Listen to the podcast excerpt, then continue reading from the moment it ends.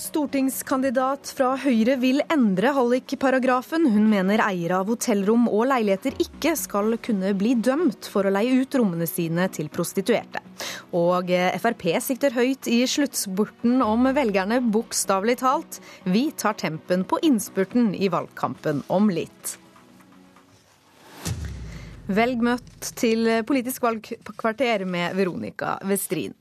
Og her er det klart for debatt om hallikparagrafen. For ordens skyld, paragrafen straffer den som fremmer andres prostitusjon, eller den som leier ut lokaler og forstår at lokalene skal brukes til prostitusjon, eller utviser grov uaktsomhet i så måte. Og først i sendingen så skal vi til deg, Hege Grostad. Du selger sex og vil fjerne denne paragrafen. Hvorfor det?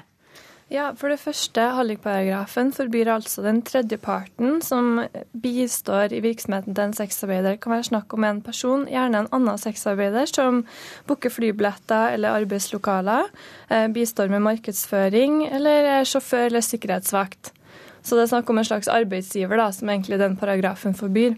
Um, fire punkter på hvorfor hallikparagrafen bør fjernes. Uh, hallikparagrafen gir mer makt til denne tredjeparten, fordi den tredjeparten krever da ekstra godt betalt, fordi det innebærer risiko å være den som fremmer den andres prostitusjon. Det er en mekanisme som det er viktig å huske på. Nummer to. Eh, sexarbeidere blir tvunget til å jobbe alene fordi hallikparagrafen forbyr samorganisering av virksomhet. Og det gjør at arbeidssituasjonen til sexarbeidere blir mer sårbar. Eh, sexarbeidere ble også ekskludert fra å kunne beskyttes av arbeidsmiljøloven, siden det er forbudt å ansette en sexarbeider. Så sexarbeidere får aldri mulighet til å beskyttes av den loven pga. hallikparagrafen. Det er ganske spesielt når Finansdepartementet siden midten av 90-tallet har sagt at sexarbeid er skattepliktig, og det er en ny tingrettsdom som sier at yrket også er momspliktig, der den dommen var prinsipiell, fordi dommerne tenkte tenkt seg at man da skal få rettigheter som andre arbeidere. Men sexarbeidere kan f.eks. ikke trekke fra sine utgifter på skatten, fordi hvis man oppgir i sitt regnskap hvilke utgifter man har, så angir man samtidig en uskyldig tredjepart. Så det er åpenbart at hallikparagrafen må fjernes i sin helhet hvis sexarbeidere skal få samme rettigheter som andre arbeidere. Og jeg oppfordrer alle politiske partier ikke bare til å fjerne sexkjøpsloven, men også oppheve hallikparagrafen. Men, men eh, denne paragrafen er jo oppretta nettopp for å beskytte dem som selger sex. Eh, vi vet jo at ikke alle gjør dette frivillig. Utnyttelse av eh, um, sexarbeidere er forbudt Eh, via andre paragrafer. Hallikparagrafen forbyr kun fremming av andres prostitusjon eller mulighet for å leie trygge arbeidslokaler. Hvordan eh, opplever du at den fungerer personlig i dag? Eh, jeg tror den hallikparagrafen først og fremst er problematisk for dem som er litt mer ressurssvake. Jeg snakker ikke bare på vegne av meg sjøl, men generelt for alle som jobber med det her. Det angår absolutt alle som eh, skal betale skatt og moms. Men for min del syns jeg det er veldig rart å tenke på at jeg ikke kan samarbeide med andre kollegaer, for da kan noen av oss risikere hallikdom fordi vi prøver å organisere en trygg arbeidshverdag. Eh, takk eh, til deg, Heidi Nordby Lunde, for mange også kjent under navnet Vampus. Du er stortingskandidat for Høyre i Oslo. Eh, og etter å ha hørt historier som den Hege Grostad forteller her, så tar du nå til orde for å endre hallikparagrafen, og dermed gjøre det lovlig å tjene penger på andres eh, sexsalg. For det er jo det man i praksis gjør her, selv om eh, du ikke mener at det er det som skjer? Ja, jeg, jeg har lyst til å nyansere det litt. Bare oppklare én ting først. og det er at Høyre har kun programfestet å, å fjerne sexkjøpsloven. Så dette er ikke noe du har resten av partiet med deg på? Ikke på, ikke på andre endringer fordi at eh, Høyre, og jeg mener jo selvfølgelig at vi ønsker å bekjempe menneskehandel, frihetsberøvelse og overgrep. Eh, overgrep er jo kanskje den mest individkrenkende um, altså overgrepet som kan finnes, og det er klart at, at Høyre kommer til å ville bekjempe det. Men, men, men... Det er som regel en del av en organisert virksomhet. Vi mener at politiet burde prioritere mye, mye høyere. Men da trenger man ikke sexkjøpsloven eller andre typer lovverk. Da trenger man bedre ressurser og prioriteringer, og det har vi sett at regjeringen ikke har levert de siste fire årene. Men så ser vi også at dagens lovverk har forverret situasjonen for de kvinnene som det har ment å hjelpe. Og da har jeg sagt at det er på tide å se på helheten i lovverket, sånn at vi sørger for at de kvinnene som kanskje står svakest og uten beskyttelse, kan beskytte seg selv ikke å åpne for at eh, noen skal tjene penger på, på deres virksomhet. Eh, Men det er jo det man i praksis gjør? Nei, jeg er ikke helt, eh, helt enig i, i, det. For som Hege Grostad akkurat var inne på, hvis hun og en venninne ønsker å samarbeide for å gjøre sin hverdag tryggere, så får de ikke lov til det, for da kan den ene bli dømt. Um, og det som tidligere har, eller det som kunne ha gjort hverdagen enklere og tryggere for dem, har blitt betydelig vanskeligere. Men det er interessant at du sier dette her med at man ikke skal få lov å tjene penger på uh, salg av sex.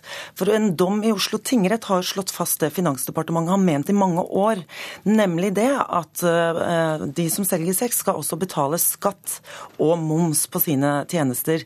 Det betyr at staten har blitt de som selger sex sin verste hallik. De må betale store penger uten å få noe beskyttelse igjen. Jeg mener det nesten er innlysende at vi bør se på lovverket. Ja, Da skal vi til Snorre Valen, stortingsrepresentant for SV, som jeg håper vi har med oss eh, fra Trondheim. Eh, sexarbeidere er lovlig skattepliktige arbeidere. Hvorfor ikke gjøre arbeidsvilkårene for dem eh, tryggere? Du er altså stortingsrepresentant for SV. Mitt utgangspunkt er at eh, det å kjøpe noen andres kropp i utgangspunktet er grunnleggende galt, og det strider med det menneskesynet jeg sår for. Og kvinner i prostitusjon de er svært utsatte, og mange tvinges inn i det. Og Da synes det er helt feil vei å gå å tillate andre å organisere salg av noens kropp.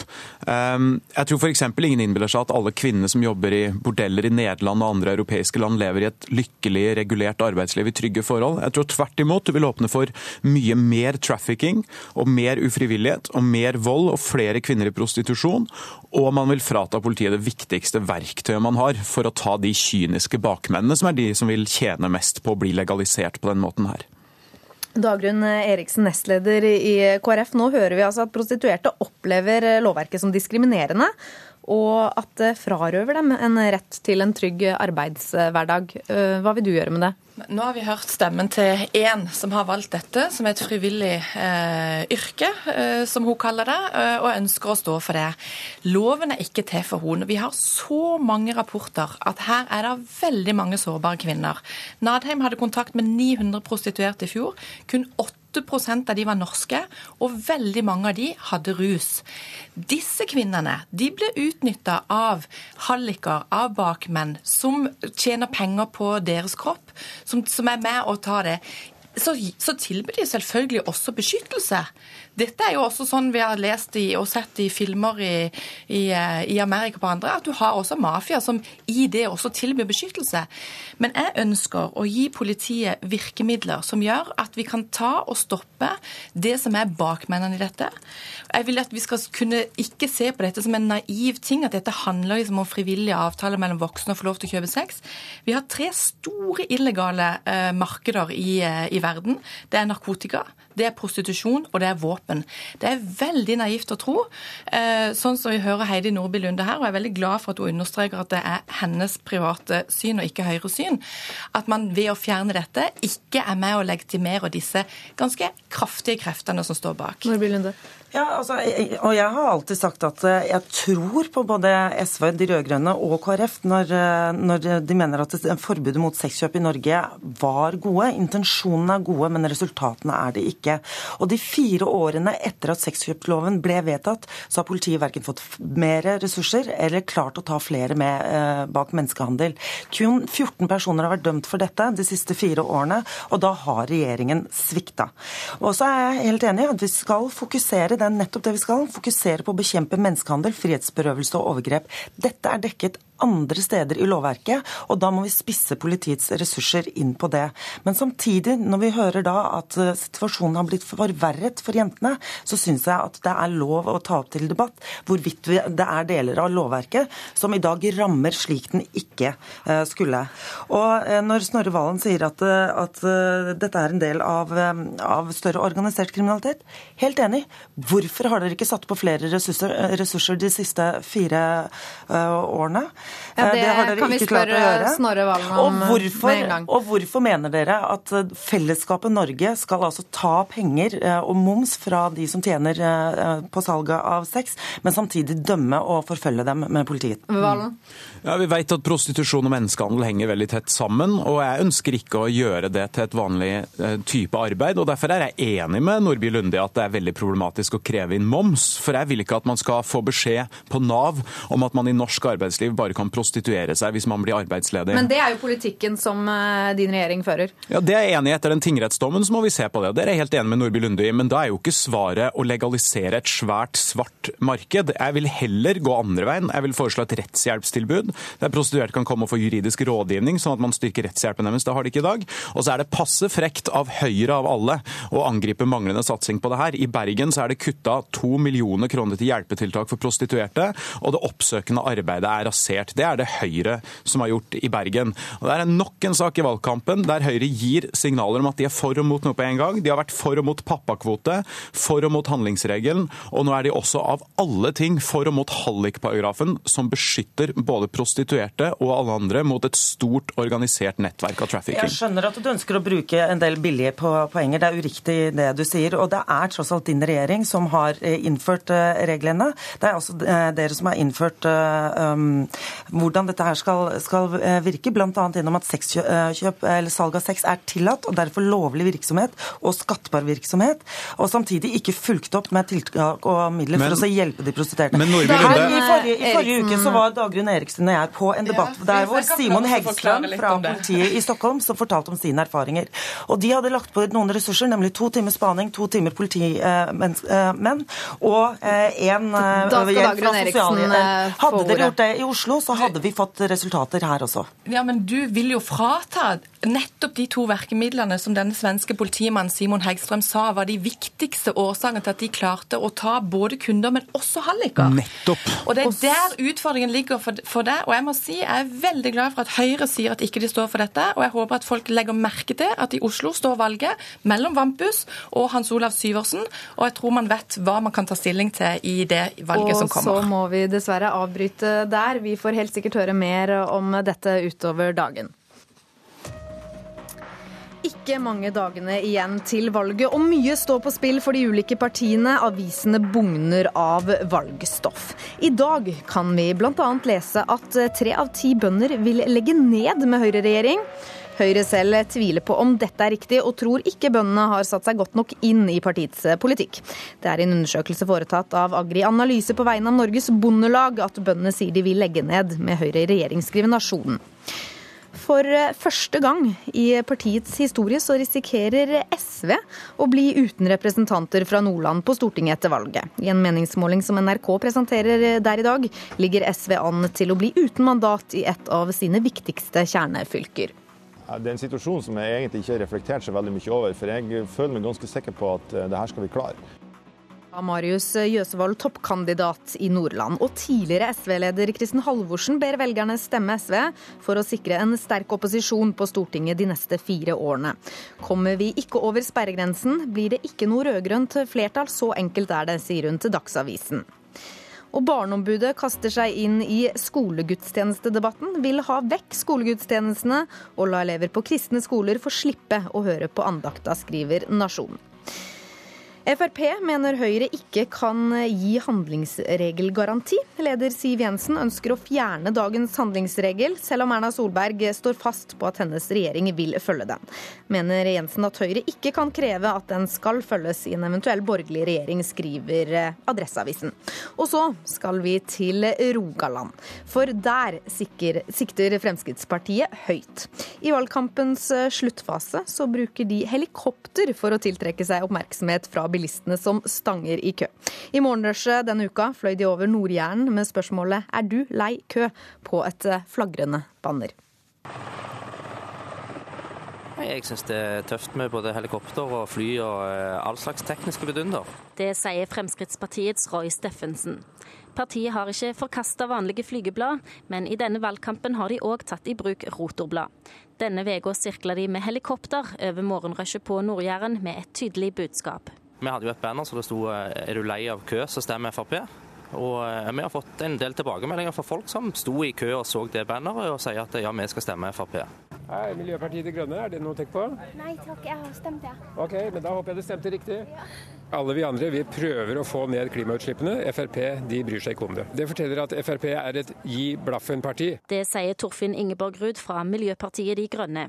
Han er opprørt over at Frp prioriterer å sende helikopter opp i lufta for å sanke stemmer. Noe helikopterflyvning er ganske nødvendig, f.eks. luftambulansen. Men her er det snakk om også fly med helt, helt unødvendige formål. Altså Det er ikke nødvendig å fly rundt for å vise fram en plakat, og så slippe ut da flere tusen kilo CO2 pga. det. Og i SV-leiren freser de over at Frp svever i lufta. Jeg syns det viser at de ikke har bein å plante på jorda i det hele tatt, eh, når de må opp i lufta for å drive valgkamp. Det sier Eirik Faret Sakariassen. Det sier jo at de eh, er et parti eh, som svever i det blå, mens vi som er opptatt av, av miljø, vi står ute og snakker med folk, framfor å sveve rundt i høyden. Jeg tror at alle de bilene som står i kø forurenser mye mer den timen enn det det helikopteret gjør. Og timeprisen på 17 000 kroner for å reklamere i lufta, mener Steffensen er vel anvendte penger. Vi kommer fra Arbeiderpartiet. Kan vi fri deg sånn? Og selv om alle de andre partiene prioriterer å ta beina fatt for å besøke velgerne hjemme, er dette uaktuelt for Frp. Jeg føler at det er å komme inn i den private sfæren til folk. Altså, jeg, jeg, tror de har lyst til å være i fred hjemme. Og Da tenker dere det er bedre å ha et helikopter i lufta og rette oppmerksomheten opp der? Nye metoder tror jeg gir bedre resultater. Reporter i denne saken var Cecilie Berntsen Jåsund. Eh, Trine Eilertsen, politisk kommentator her i eh, NRK. Valgkampen den eh, tilspisser seg. Frp leier inn helikopter i akten på stemmene, hører vi her. Og landet rundt så mobiliserer partiene nå for en siste innsats. Flere hundre tusen velgere har ikke bestemt seg ennå. Hvordan vil partiene kjempe om dem nå den siste helgen? Det er i hvert fall ingen, eh, ingen vits å legge seg på lattsiden, for det er veldig mange som bestemmer seg de siste dagene og den eh, siste helgen. Eh, så nå er jo Arbeiderpartiet og Høyre de tror jo på å banke på døra og møte velgerne ansikt til ansikt, og kommer til å ta en siste svær innsats på det nå, i håp om å flytte litt av hverandres flytvelgere over fra den ene blokken til den andre. For det er veldig viktig for begge to i denne kampen om å bli stor, og for Arbeiderpartiet er det jo veldig viktig å bli størst. Og så må jo de som har mindre ressurser, de må jo kjøre på med en del av det som eh, du gikk gjennom i sted. Altså en del bilder av hvor ille det vil gå hvis vi skifter regjering, eller hvor ille det vil gå hvis vi ikke skifter regjering. Ja, Kristin Halvorsen går som vi hørte i dag ut i Dagsavisen og ber velgerne stemme SV for å sikre en sterk opposisjon på Stortinget de neste fire årene. Jens Stoltenberg har jo hittil ikke vil snakke noe som helst om å være i opposisjon. Hva synes du om den strategien fra SV? Ja, Om det er en strategi, det, det kan man jo spørre seg om. Eh, for eh, i hvert fall nå i valgkampen så har jo de rød-grønne partilederne stått sammen om at det er, det er rød-grønn regjering vi går til valg på, men de har ikke valgkamp sammen. Kjører helt separat parti for parti. Eh, og Jens Stoltenberg er jo veldig tydelig på at det er det eneste alternativet han eh, snakker om, og sier at det eneste han tenker på. Så kan vi jo lure på om, det er det, og det er mange som diskuterer det. Eh, men Liv Signe Navarsete sa jo også før sommeren at hvis vi kommer i opposisjon, så er det klart at da kan vi reorientere oss. Eh, og nå sier Kristin Halvorsen det samme òg, at eh, det er ikke bare regjeringsspørsmålet som, eh, som avgjør om folk tror det er vits i å stemme på SV. Det er også viktig at SV er, er sterk i opposisjon. Og det er egentlig litt befriende at, at hun sier det. Ja, og så Hvis vi går over på det her med taktisk stemmegivning, da, er det grunn til å tro uh, at mange vil gjøre det? Altså Høyre-velgere f.eks. som stemmer Venstre for å hindre en topartiregjering bestående av Frp og Høyre. Uh, eller rød-grønne velgere som stemmer Venstre for å få en miljøperspektiv i en blå regjering. Mm, noen gjør det. Vi har sett det før, selv det eksempelet med at Høyre-velgere stemte Venstre for å prøve å, å redde et, en borgerlig regjering for, for åtte år siden. Men eh, nå eh, så er det vel eh, spørsmål om det er den type stemmegivning som blir utslagsgivende. Det er jo det store, store spørsmålet er jo kampen mellom blokkene. Og så blir det jo da, hvis vi får et borgerlig flertall som det absolutt ser ut som at vi går mot, så er det jo styrkeforholdet mellom de partiene på borgerlig side. Og der er det jo det litt fascinerende poenget at jo større Frp blir, jo mindre sannsynlig er det med en firepartiregjering. Jo mindre Frp blir, jo mindre sannsynlig er det for en topartiregjering. Så det er, det er faktisk spenning i hver eneste prosentpoeng mellom disse partiene i den blokken. Tusen takk eh, til deg, Trine Eilertsen, eh, politisk kommentator eh, her i NRK. Og med det er Politisk kvarter over. Jeg heter Veronica Westrin.